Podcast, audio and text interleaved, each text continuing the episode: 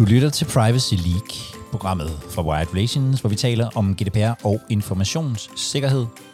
Jeg hedder Jakob Høgh Larsen, og i dag i Privacy League live, der står de gode råd og idéer nærmest i kø. Og det idéerne og de gode råd handler om, det er, hvordan man skaber et overblik over systemer og behandlingsaktiviteter og leverandører og øh, den slags. Jeg har sparet på stemmebåndet i den her, så det er ikke mig, der øh, håndterer diskussionen. Det er derimod Mads øh, Hauge, som har været, øh, har været en god øh, gæst i Privacy League Live gennem lang tid. Det er ham, der i tale sætter øh, det hele. Jeg håber, at du nyder den her.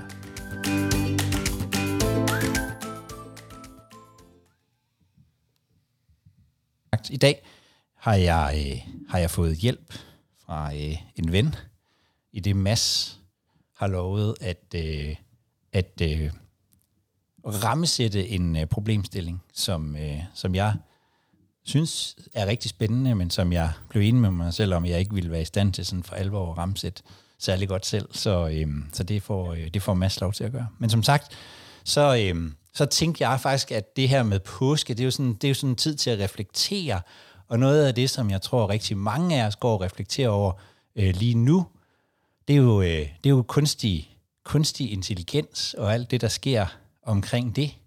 Og jeg bruger kunstig intelligens i min, øh, i min hverdag, og jeg bruger det specielt til øh, at øh, transkribere, når jeg laver podcast. Og det sad jeg og gjorde i dag, og øh, det jeg har lagt mærke til, det er, at efterhånden, så, øh, så får jeg ikke bare sådan en ord-til-ord transkribering, men de der værktøjer er simpelthen blevet så gode nu, så det, der kommer ud, nærmest bliver øh, poetisk. Så jeg synes, jeg vil dele øh, et lille stykke et lille stykke poesi fra, øh, fra min øh, kunstige intelligens øh, til jer, fra en podcast, jeg lavede den anden dag. Øhm, og nu, nu, nu kan I bare høre med. Købte moren en enkelt aftenbøn, og han gjorde det ikke mere. Der var jo et dragning, også fra der urørligt til, da jeg, nu hvor der var trammer om dag, detail og læsning en, var nemlig Gmail af navn ved House Proctor Pace i Spotcards and E14. Og her er Manchuriet chakra og arve et passet øje.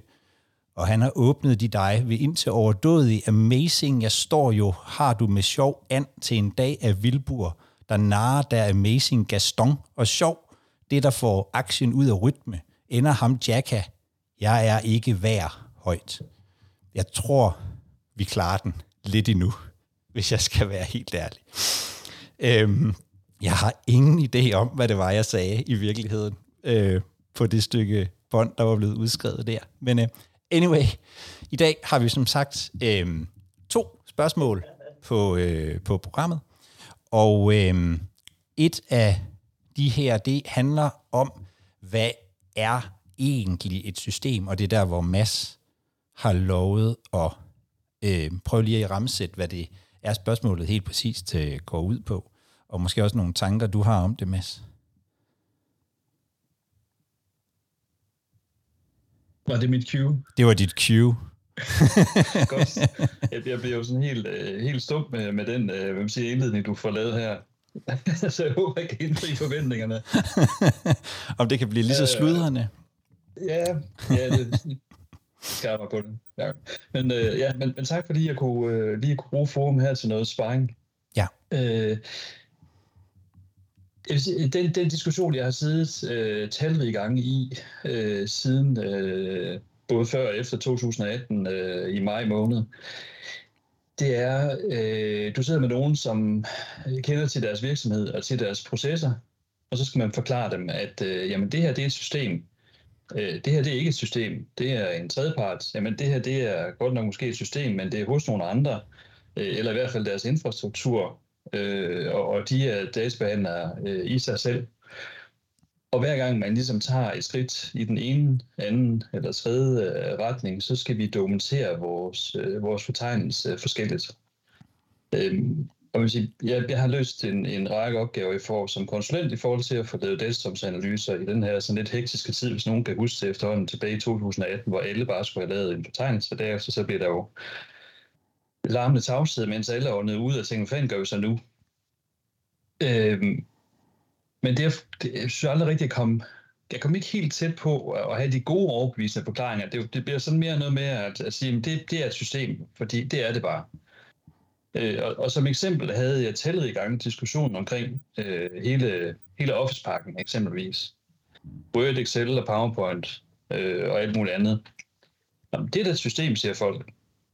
Jeg vil sige, nej, det, det er sådan set ikke. Altså, det, det er min øh, optik et stykke værktøj, som du bearbejder nogle personoplysninger med. Når du lukker dit Excel, jamen, så er der ikke noget i det. Det kan være, at der er en signatur og dit navn, øh, og eventuelt måske et billede, øh, hvis man har det. Men det er ikke et system. Og nu er jeg så i gang med igen og skal redokumentere nogle, øh, nogle ting, og så tænker jeg, okay, når jeg, når jeg forholder mig til min egen laptop, øh, som sjældent bliver genstartet, og kun de gange, hvor Office øh, synes, at de skal for at smide noget nyt på, eller, eller Windows synes, de skal gøre et eller andet andet, jamen så ligger der 10 Excel-ark og alt muligt andet. Så tænker okay, definitionen på et system, det er jo en, øh, en struktureret samling af nogle personoplysninger, øh, som, som ligger på en eller anden teknisk platform, og hver gang jeg åbner min laptop, så står de samme 10 Excel-akter. Er Excel så ikke et system alligevel? Øh, og altså, jeg undskylder meget, jeg har en hund, der synes, den skal hilse på nogen, hvis nogen kan høre det i baggrunden. Øhm, Bare den ikke gør så højt, så, så min hund også begynder at gø, så skal det nok gå. det men, men det, det er et dilemma, øh, og, og så kan man sige, det bliver jo så yderligere øh, krydret af, at øh, vi har cloud-direktivet, øh, cloud-vejledning indenover, hvor vi så har øh, øh, infrastruktur as a service, øh, software as a service, øh, platform as a service, øh, så, så der ligger varierende grader af, igen tankegangen system, system ikke. Øh, og så endelig det her med, øh, jamen hvis jeg abonnerer på en eller anden øh, vil sige, løsning, som er en platform as a service eller software as a service, og tilgår den via en, øh, en browser, jamen disse databehandlere, ja, men, men udvekslingen af de en tredjepart af de øh, databehandlere, den, den grænse mellem tredjeparter og, og databehandlere, synes jeg også er utrolig svær.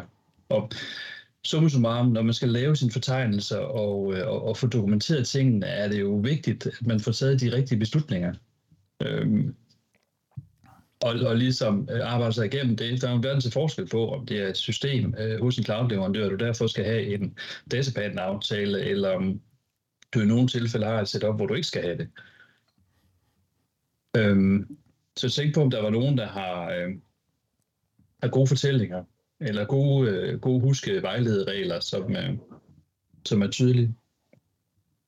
Så jeg tror, det var lidt, lidt mit, mit, øh, mit input-spørgsmål. Tak, Mads. Det er der. altså nogen, der har øh, gode historier. Lene har for eksempel en god historie.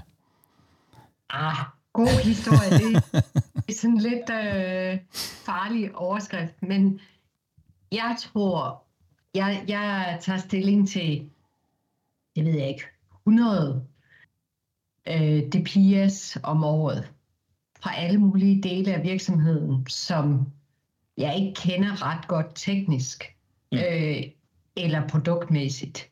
Så jeg skal på en eller anden måde finde en måde at dele gode data protection spørgsmål uden at kunne komme ud i alle hjørner. Det kommer jeg aldrig.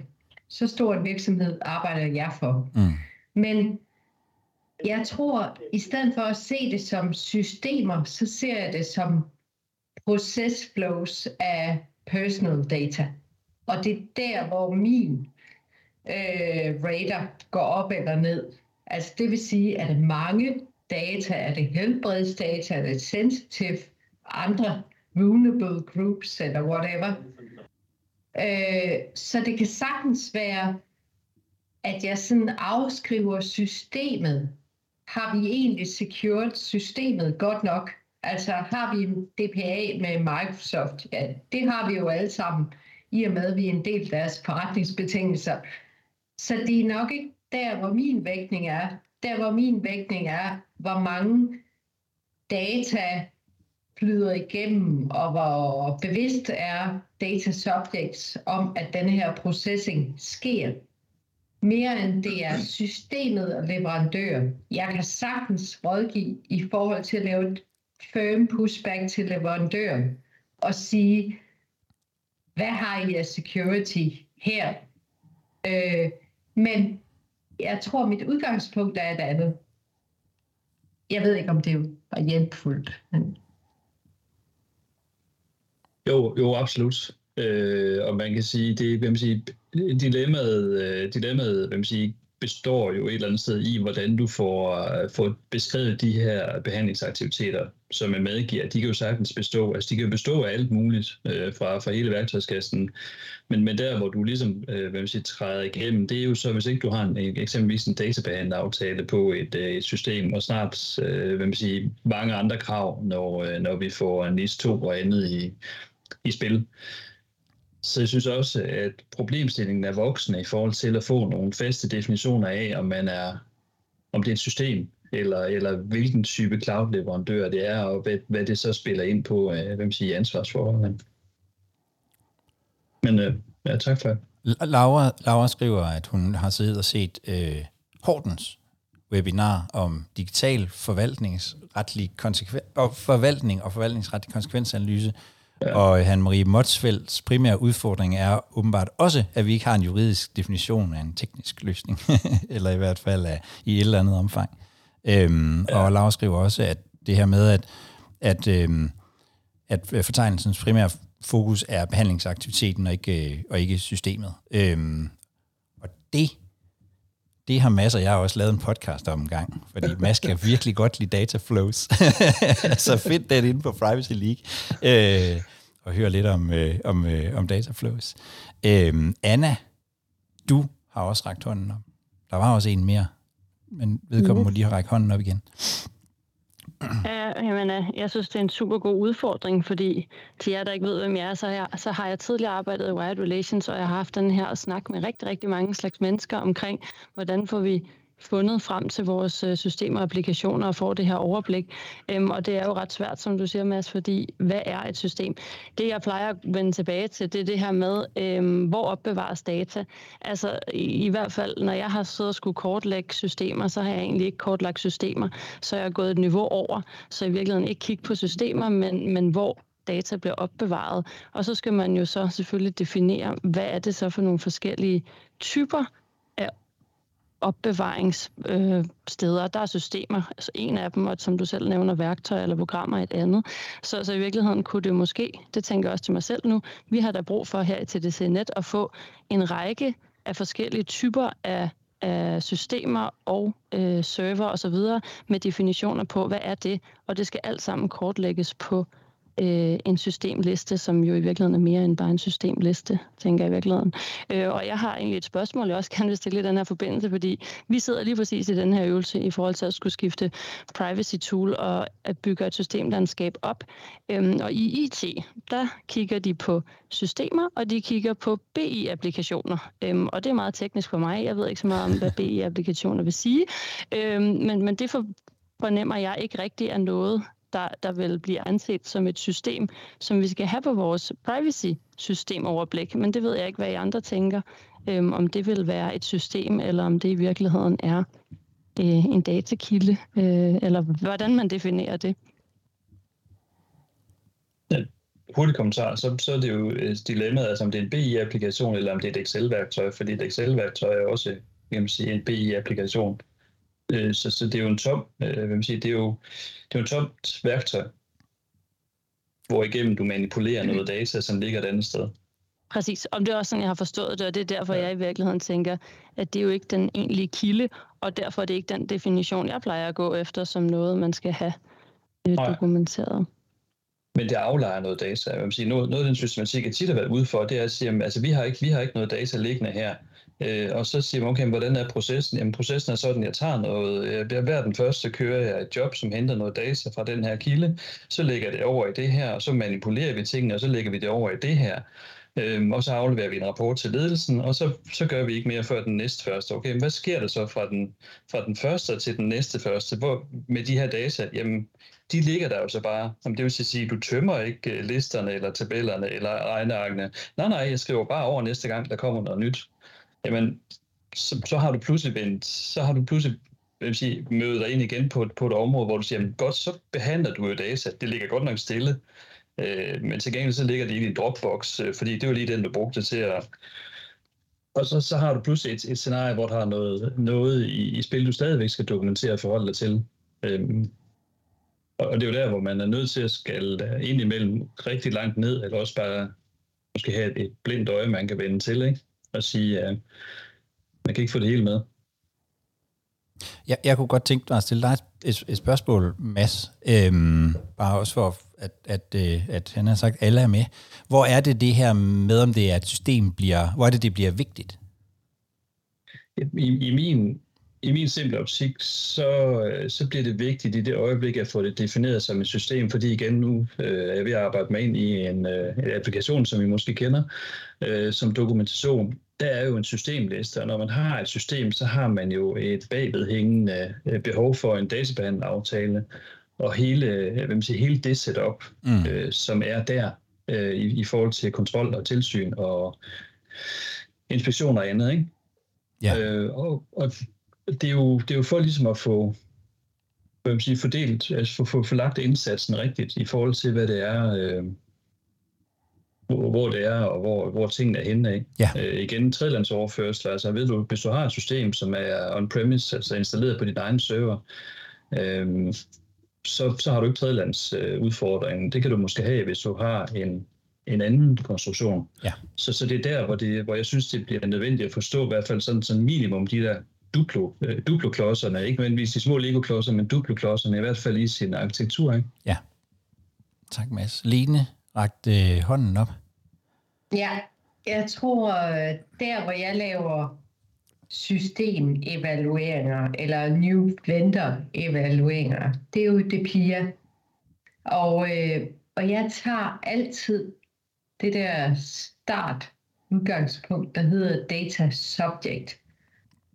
Fordi jeg er ret sikker på, at den her lovgivning er, er blevet sat i værk for at beskytte den enkelte, den enkeltes data. Så derfor tænker jeg altid, at jeg tager den lille mands approach, når jeg laver de der risikoevalueringer. Og så tænker jeg, hvordan vil jeg selv have det, hvis mine data blev delt, eller hvis jeg var en... Og det kan være alle mulige eksempler. Det kan være øh, nogen, vi forsøger at få ombord på virksomheden, som er potentielle kandidater, som vi har mødt til en event for lang tid siden og fået et lille bitte data fra. Det kan være vores kunder, det kan være B2B-virksomheder, hvor vi forsøger at sige, at vi har en virksomhedsordning, som I kunne synes var fedt.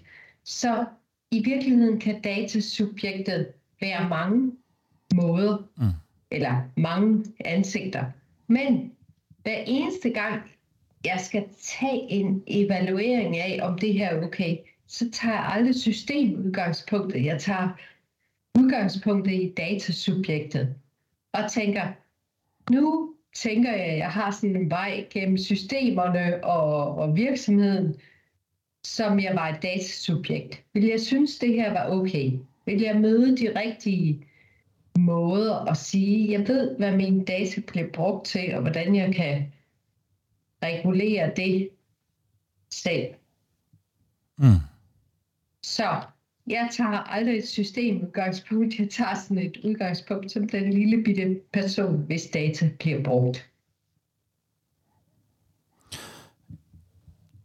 ja, jeg tænker også, der, i det ligger der også den der sådan lidt, den, lidt, øh, den, den gamle diskussion om, om systemtilgang eller, eller procestilgang.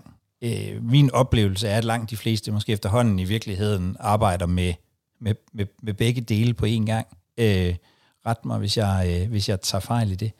Øh, fordi det også kan være vigtigt jo øh, at, og, øh, at kigge på systemerne, når man for eksempel skal beskytte, fordi det er der, man man i hvert fald har en mulighed for at gøre noget. Øhm, Dennis, du markerede også. Ja, det var i forhold til, øhm, at jeg, jeg sad også med samme spørgsmål, hvordan jeg ligesom skal angribe det her, fordi vi gerne kortlægge lidt af det der shadow IT, vi har, eller ikke har, hvem ved. Uh, og, og i den forbindelse, der har jeg jo taget meget før, altså først meget GDPR-brillerne på, ikke så meget ja, resten af IT-sikkerheden, og uh, jeg fandt ud af, at det bedste, der virker for mig, er at kigge på tjenester, og det er lidt, lidt der procesorienteret. Hvilke tjenester uh, har berøring med nogle data, vi har fået. Uh, fordi hvis det sker inden for vores rammer, så, så vil jeg nok have kaldt det et værktøj mere end en tjeneste, fordi det er noget, vi bruger selv mm. til at banke løs på data. Men sin tjeneste jo så er, her afleverer vi noget, og så får vi enten noget for det, øh, eller ikke, hvis det er big tech. Man ved aldrig. Og, og men i, i NIS uh, øh, 2 forstand, der kan jeg godt se, at det måske bliver vigtigt at kigge på det her. Øh, jeg har prøvet at lade fortælle, at det ikke kun er IT-systemer, som er, der er vigtigt, men også OT-systemer. Og, øh, og så bliver det jo meget interessant, øh, hvor meget et system kan, kan gro, fordi uh, hvis jeg nu har en, en papirmappe med en masse papir i, mm-hmm. og, og, og den refererer til en anden mappe, er det så et system allerede? Uh, og, og er det et databehandlingsværktøj, at jeg har en stor fed marker, som jeg går over og streger over med, fordi så er data jo behandlet, for eksempel slet. Kender det tak, Dennis. Mads, du øh, markerede os. Jamen, det, det var egentlig, nu Dennis lige bragt den der op, det, en, det, jeg kan sige, det, det dilemma, jeg også øh, skrev til dig omkring, Jacob, det ja. er jo netop den her med, at øh, et system, det er jo defineret ved en, en, en struktur. Altså man kan nærmest se et Excel-ark for sig, eller et, en, et system for sig, eller noget andet. Det er sådan en eller anden filing, mm. øh, filing system, øh, som har en eller anden sige, indhold af personoplysninger. Og så netop det her med, øh, hvad kan man sige, igen, definitionen på at behandle data hvor man jo nærmest ikke kan lave et, et henkastet blik øh, på en, på en, en skærm, man øh, tilfældigt passerer, øh, før man er i gang med at behandle data. Øhm, og det er jo også det, der man sige, et eller andet sted er dilemmaet, ikke?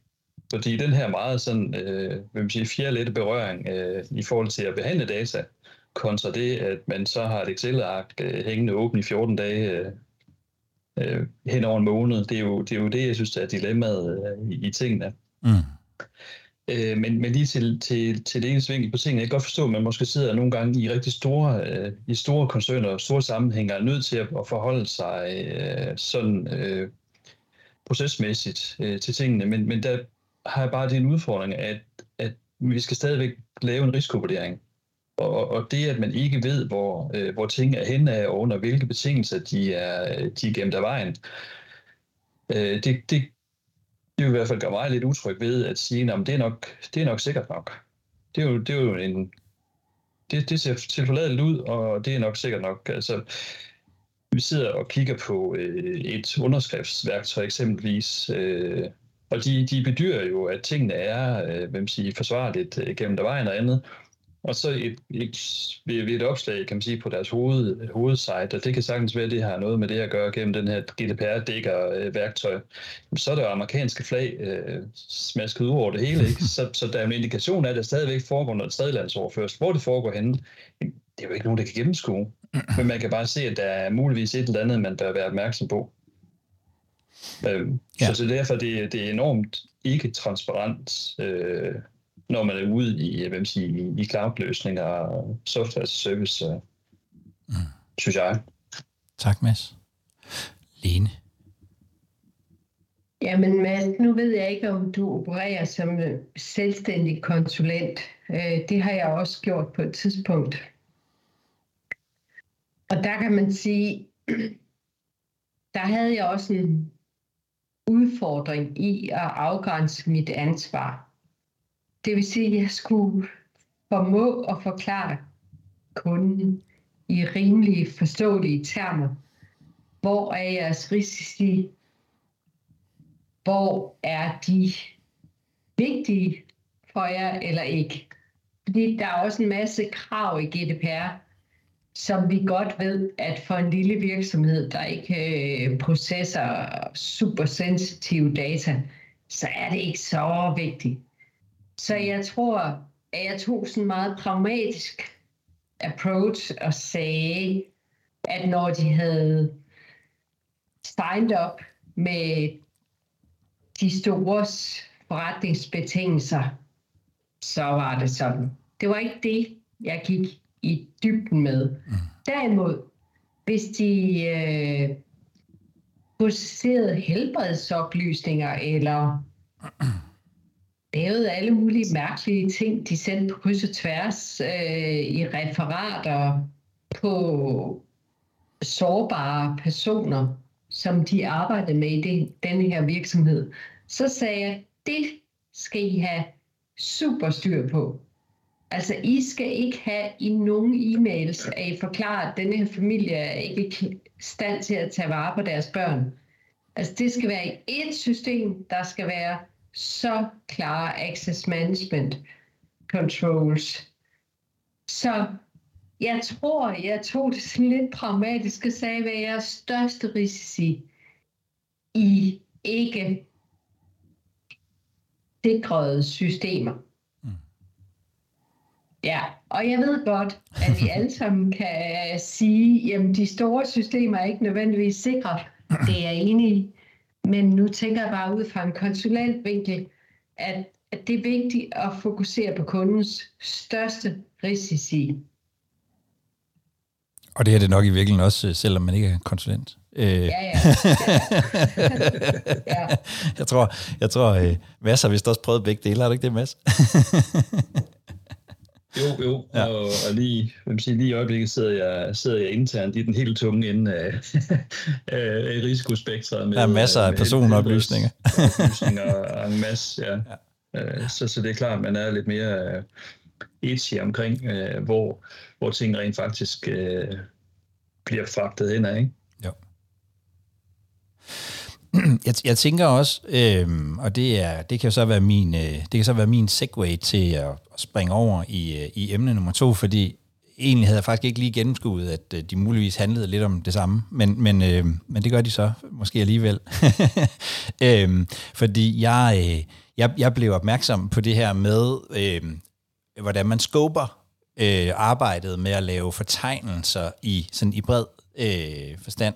Øh, fordi jeg har haft nogle samtaler med, med nogle forskellige år på det seneste, øh, som arbejder med compliance, og der er sådan ligesom to muligheder, når man taler om øh, fortegnelser og, og igen i bred forstand. Det er den, den ene er, at man reagerer med, det er der ikke, det er der ikke ressourcer til, der er ikke bare ind til det, og folk gider det ikke, og hvis jeg forsøger at få oplysninger ud af organisationen, så, så bliver jeg lagt øh, fuldstændig på is. Det er sådan den ene, ud, det ene udgangspunkt, og det andet udgangspunkt er, at, øh, at hele det her arbejde med, med, øh, med processerne og sådan noget er sådan helt centralt for, for alt, hvad de gør. Og jeg har fået sådan en fornemmelse af, og det er det, jeg faktisk lige vil vende med, med, med jer, at det har noget at gøre med, hvordan man hvordan man i virkeligheden har skåbet arbejdet med, altså med fortegnelserne.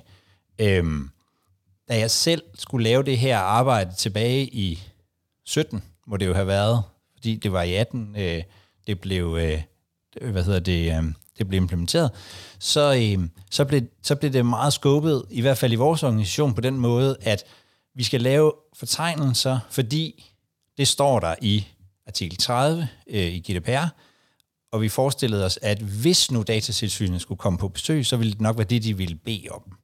Øhm, og det er jo i virkeligheden sådan, det er jo, det er jo sådan regulatorisk compliance i al sin magt og, øh, og vælge.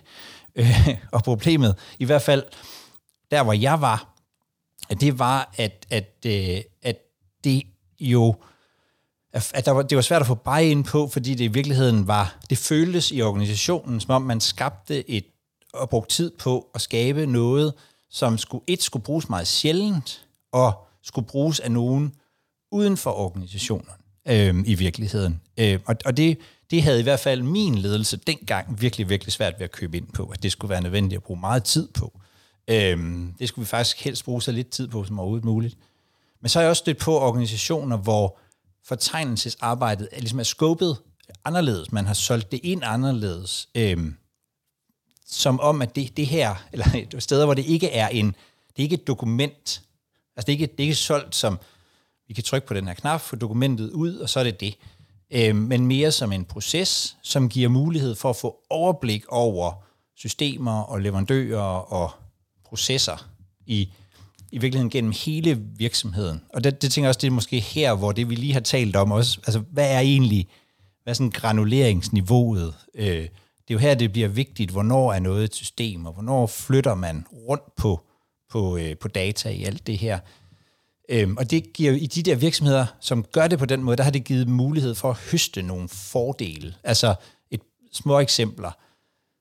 Man har fundet ud af, hov, vi har faktisk, øh, vi betaler for 18 systemer og har 18 indgange i, i, i virksomheden, som vi, som vi ikke bruger til noget. Lad os, få det, lad os i hvert fald få renset ud til, i det. Der kan også være der, hvor man i virkeligheden får sat spot på, at der er processer, som er i virksomheden, som er for komplekse, eller hvor man gør noget, der er øh, uhensigtsmæssigt. Og der, der virker det som om, at i den type organisationer, der, der får man mere ud af det arbejde, man, man laver med at få fundet ud af, hvad er det for, hvad er systemer, hvad er øh, processer, på hvilket niveau skal vi gøre det, øh, for at få mere end bare et, øh, et dokument. Og det kunne faktisk, det, det, det er i virkeligheden bare spillet ud her, fordi jeg har haft nogle samtaler, der har fået mig til at tænke det, men jeg er ikke sikker på, om øh, mine tanker er, er rigtige. Men hvordan har I sådan scopet jeres fortegnelser? Hvad får I egentlig ud af arbejdet med, med, med, med det her ude i, ude i jeres øh, organisationer?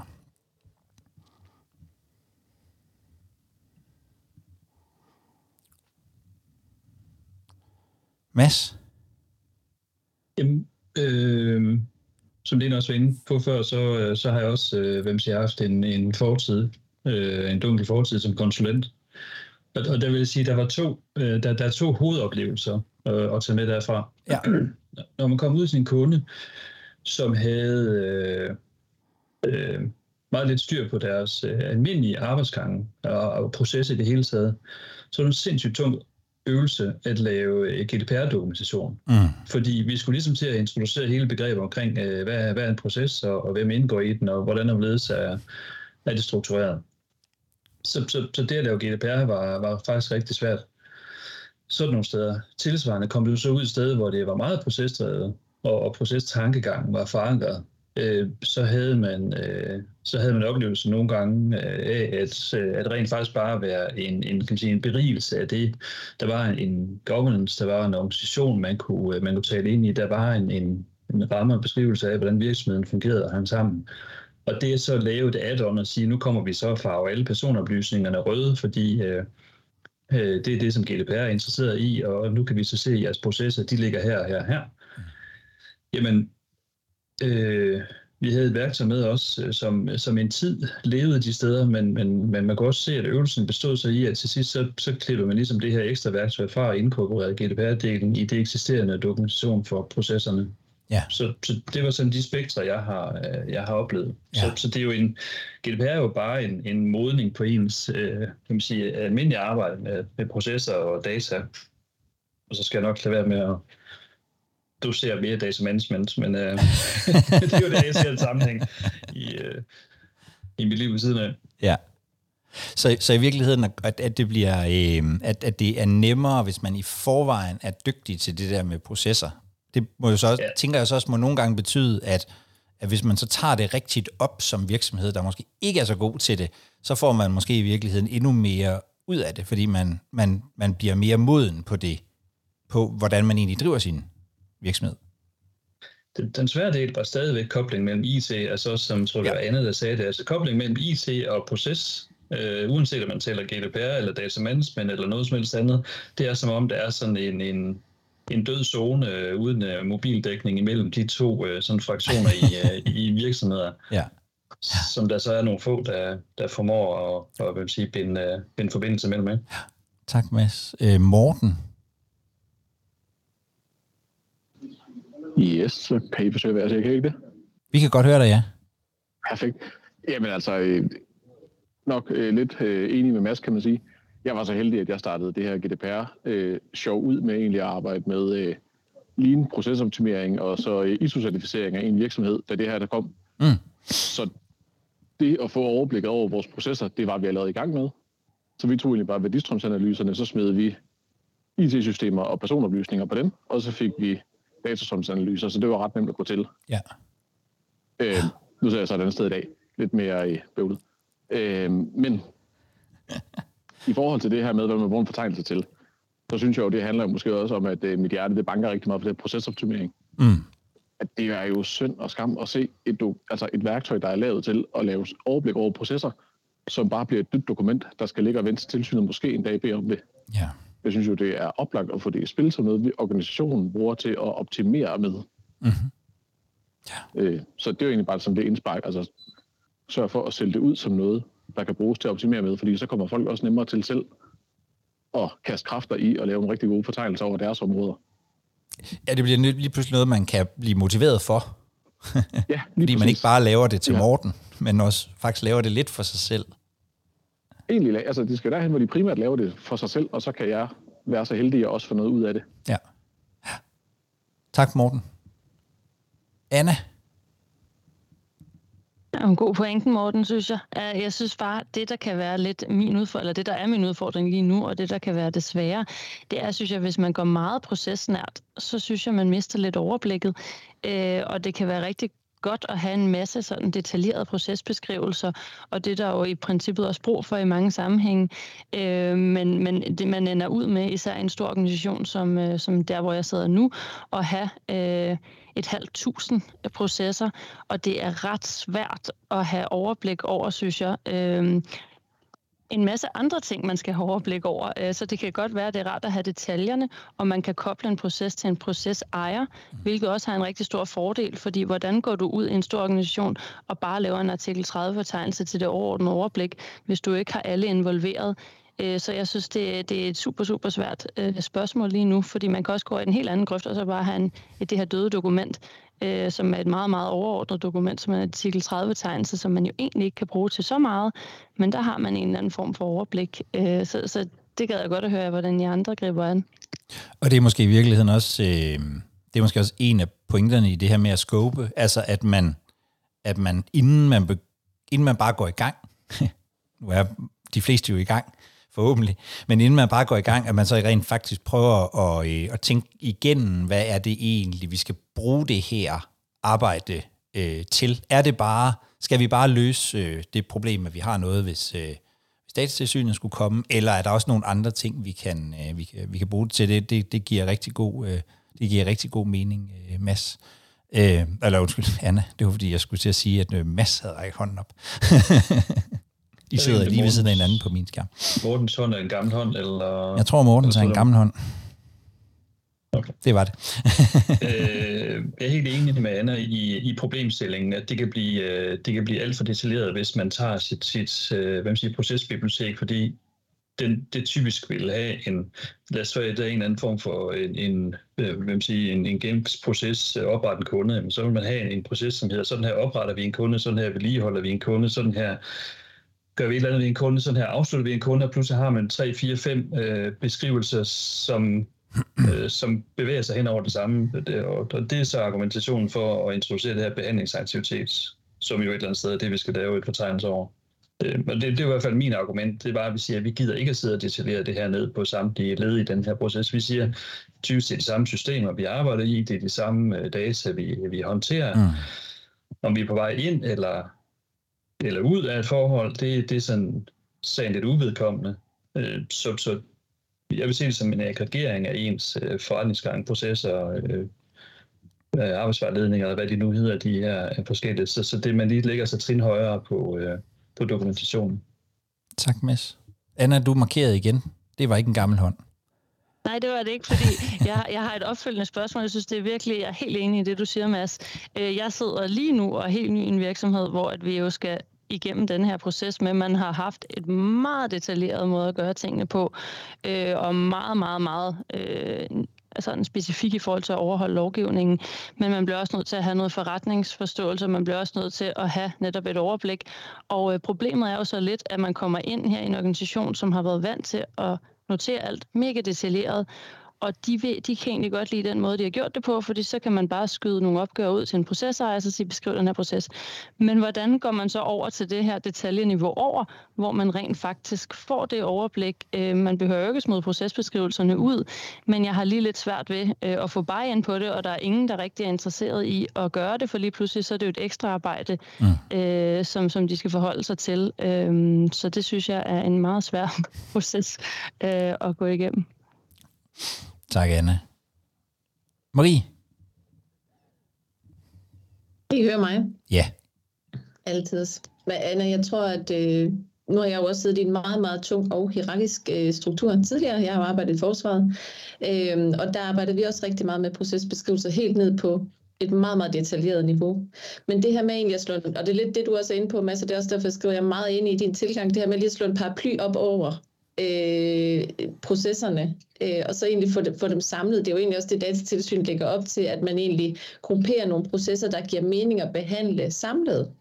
Øh, samme formål, samme systemer, måske samme slettefrister, nogenlunde samme personoplysninger osv. Egentlig få slået en paraply op over dem. Så det er altså noget nemmere at holde øh, tungen lige i munden, i hvert fald på de her behandlingsaktiviteter. Øh, så kan det godt ske, at der sker nogle ting på procesniveau, øh, og det er jo så det, øh, kan man sige, processejerne skal byde lidt ind på, og så også få det øh, mappet op i en behandlingsaktivitet. Men det vil være min måde at, at gå til det, det her med at få slået nogle paraplyer op. Paraplyer op. Solen skinner altså i dag, Marie, så... Øh... Jamen, det kan man faktisk også godt bruge paraplyer til. Det er rigtigt, det kan man godt. Janni? Øh, ja, altså øh, øh jeg er informationssikkerhedschef på STU, og øh, der har man også prøvet at arbejde med og, øh, for at have et meget detaljeret procesbeskrivelsesniveau øh, til, at man prøver at hæve det op, som vi snakker om, og som du snakker om, Anna. Og øh, lige på universitetsverdenen, der findes der sådan en international standard, jeg tror det hedder HERM, hvor, hvor, hvor man har defineret, hvad er det, øh, man skal kunne af kapabiliteter, hvad skal man have af kapabiliteter og processer på den, for at være, kan drive et moderne universitet. Og der er sådan overordnet, jeg tror det er 32 eller 37 hovedprocesser. Så vi har taget dem, det kunne fx være studieadministration. Så vi har taget dem og lavet fortegnelser over dem som overordnet. Øh, der, der ligger man sig på et højere niveau. Og, og på en eller anden måde må det jo være det samme, hvis man er en produktionsvirksomhed eller andet. Og hvad er de overordnede processer, man skal kunne for at være en moderne produktionsvirksomhed? Der må være noget, øh, noget administration med noget lager og noget indkøb, og der må være noget øh, personaleadministration osv., økonomi osv. osv. Så man finder ud af, hvad er hovedprocesserne hvad skal vi kunne for at, øh, at kan drive det, vi gør inden for vores, kan man sige. Der er vi så heldige, at der er det her, øh, der er internationale standarder på, på universitetsniveau, hvor man bare kan lægge sig på det. Men ud fra det, lad os sige, det var studieadministration, så kan det være, at man har otte systemer, man så kan koble op på øh, en vis antal personoplysninger. Så kører det på den måde. Så kan vi vide, om der findes noget internationalt for andre typer virksomheder. det sad jeg bare lige over. Det, det, gør der, det gør der garanteret. Og, øh, og, hvis ja. man, og hvis man kommer frem til, til 500, så, så har man nok ikke holdt sig på et overordnet niveau. Lene, du... Øh, tak, Janni. Lene, du øh, markerede også.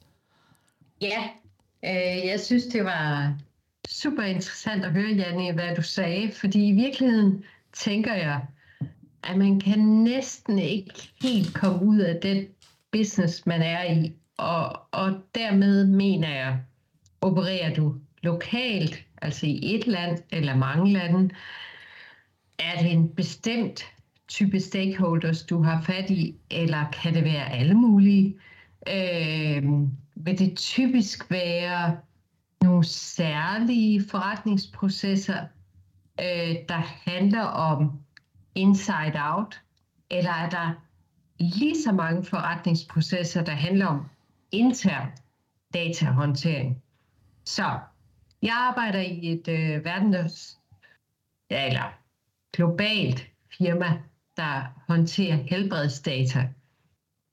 Øh, det er en brillekoncern, og det vil sige, umiddelbart ser det ikke så besværligt ud. Ja, folk går ind og får en synstest og går ud igen, og så skal de tilbage og hente deres briller eller kontaktlinser. Men det er meget mere komplekst. For det første så siger lovgivningen i de forskellige lande, at helbredsdata, som synstest er, skal opvares i forskellige tempi.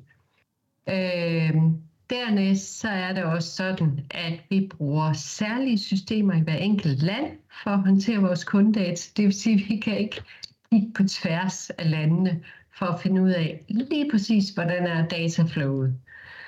Øh, hvert land har også øh, en vis frihed til at sige, jamen hvis vores bedste rekrutteringsplatform i Danmark hedder Jobindex, så laver vi alle mulige ting med Jobindex. Det kan de i alle lande. Øh, hvis forsendelsesmuligheden for at sende vores kontaktlinser ud til kunden er bedst i det ene land eller det andet land, så har man mulighed for at vælge, fordi der er ingen, der udbyder en god service på tværs af alle de lande. Så fortegnelsen for at komme tilbage til dig, Majs, den bliver mega, mega stor. Og den vokser hele tiden. Og hvad er det, jeg skal tage fat i, når jeg sidder og kigger på alle de ting? Vi har jo lagt nogle stramme rammer op for, hvornår projektlederne skal lave en DPIA. Og hvordan er det, jeg sorterer i det? Øh, jeg tror stadigvæk, Mads, tilbage til mit første øh, pointe, det er, at jeg tænker på datasubjektet. Er det her noget, der er tough? Eller ikke? Tak, lige. Og, og oh, sorry. det var bare for at sige, det er et filter for mig. Mads, du markerede Oser. Ja, det, det var så lidt tilbage til øh, Jannis tilgang til det, den her afdelings, øh, afdelingsvinkel på tingene.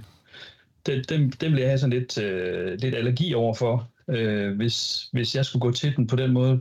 Og det igen, det er jo afhængigt af kontekst altid.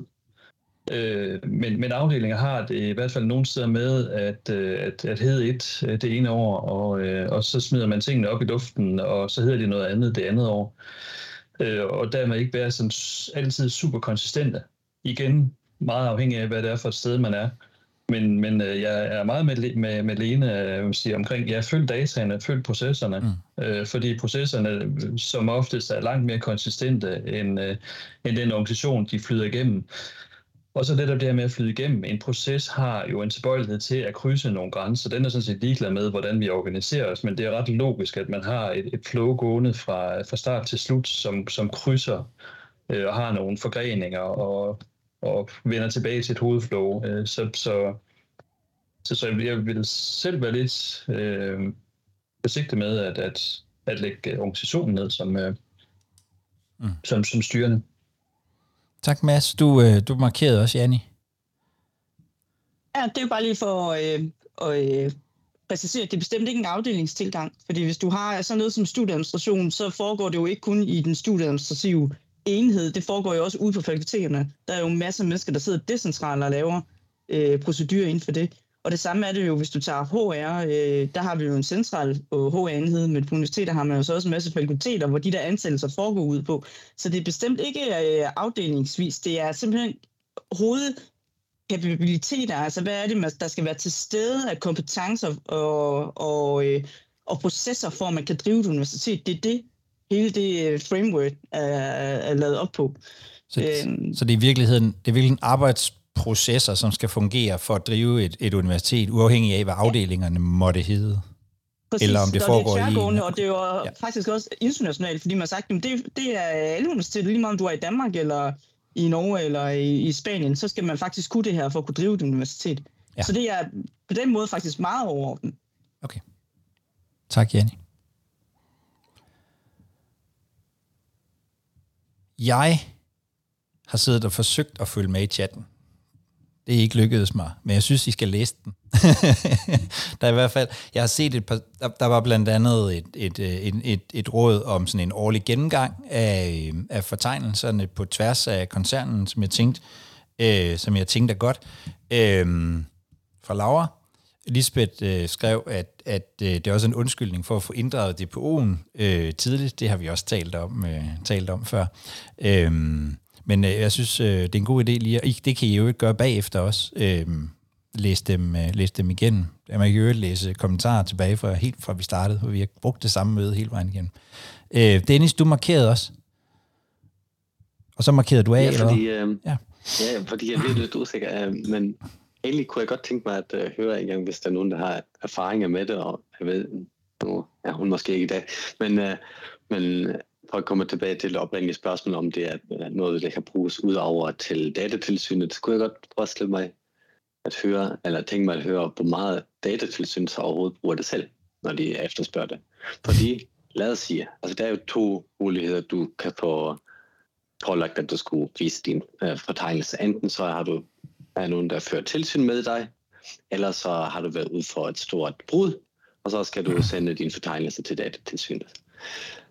Det er jo tænkeligt, at man øh, muligvis cirka ved, hvor brudet er sket, for ellers hvis det ikke er, er blevet opdaget på en eller anden måde, så, øh, så var det jo ikke opdaget. Så hvis man ved, at det er system XYZ, der har lægget nogle data, ja, er det så ikke nok, hvis man afleverer fortegnelsen, med, som indeholder de tre, eller faktisk kun de rækker, øh, eller vil datatilsynet virkelig gå rundt og kigge i samtlige, altså fra gratis software til betalte til alt muligt, Shadow IT, vil de virkelig gennemgå det alt, fordi der er et øh, læk, som de allerede ved, hvor det sker.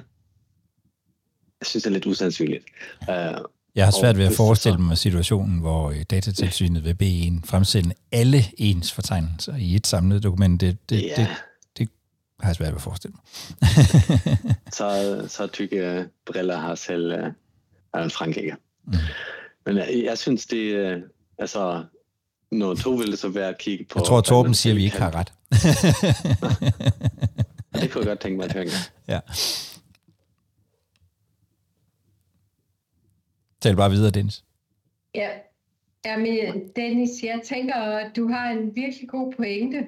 Altså, jeg har jo altid pisket mine stakeholders med, at vi skal altid kunne fremvise en fuldstændig up-to-date artikel 30 overview.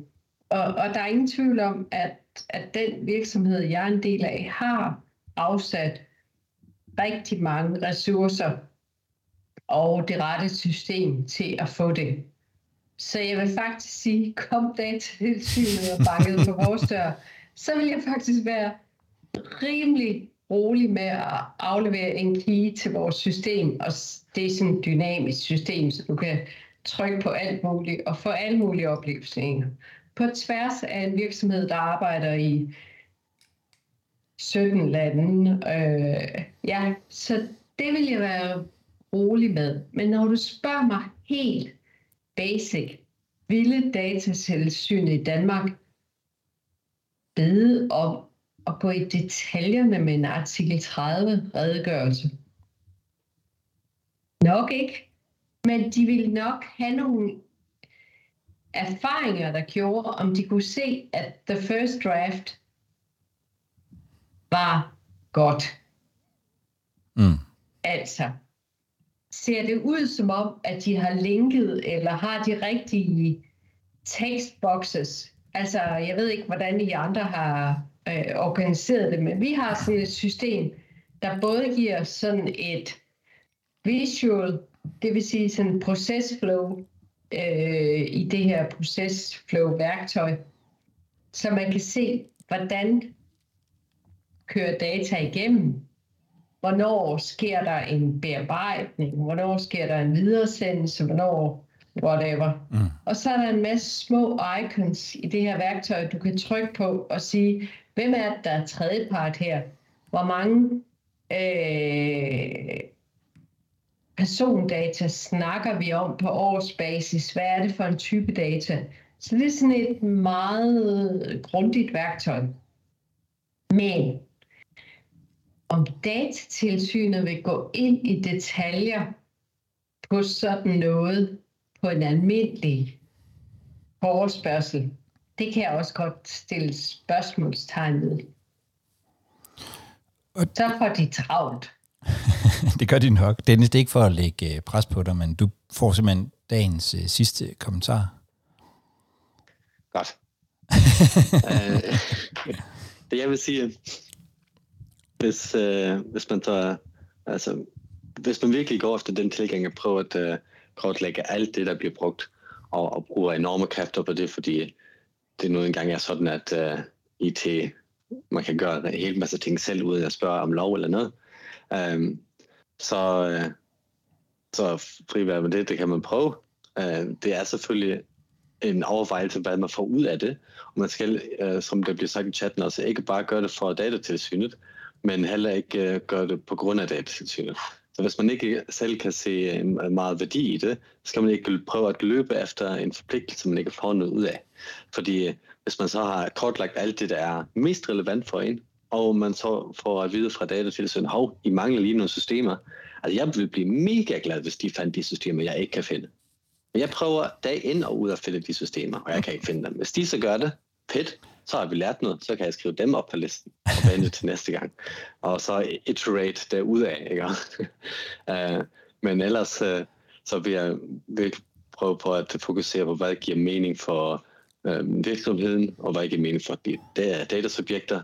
For eksempel at lave den fortegnelse, der hedder fortegnelsen som data behandler, ikke som dataansvarlig. Det er nemlig kun dine underdatabehandlere og alle dem der, der du ligesom skal være ansvarlig for, øh, som indgår der. Den synes jeg giver rigtig god mening at lave. Tak, Dennis. Op, og øh, jeg når ikke at øh, slukke for øh, optagelsen i dag, fordi det er, øh, det er væltet ud af jer alle sammen med, øh, med, med, med, med gode praktiske råd til hinanden. Øh, Mads, tusind tak for at sætte det på dagsordenen. Har du, har du, har du fået noget med fra? Helt sikkert. Ah, det er godt. Helt sikkert. Øh, det er jeg glad for. gode perspektiver på alt muligt. Ja, tak. Fedt. Og tusind tak til jer alle sammen for at, øh, for at deltage så, så aktivt i det. Øhm, jeg håber også, at, øh, at, at I alle sammen har taget, øh, har taget noget med. Jeg er i hvert fald, jeg er i hvert fald blevet klogere og har sparet lidt mere på stemmebåndet, end jeg, end jeg plejer. Tak for det, Mads.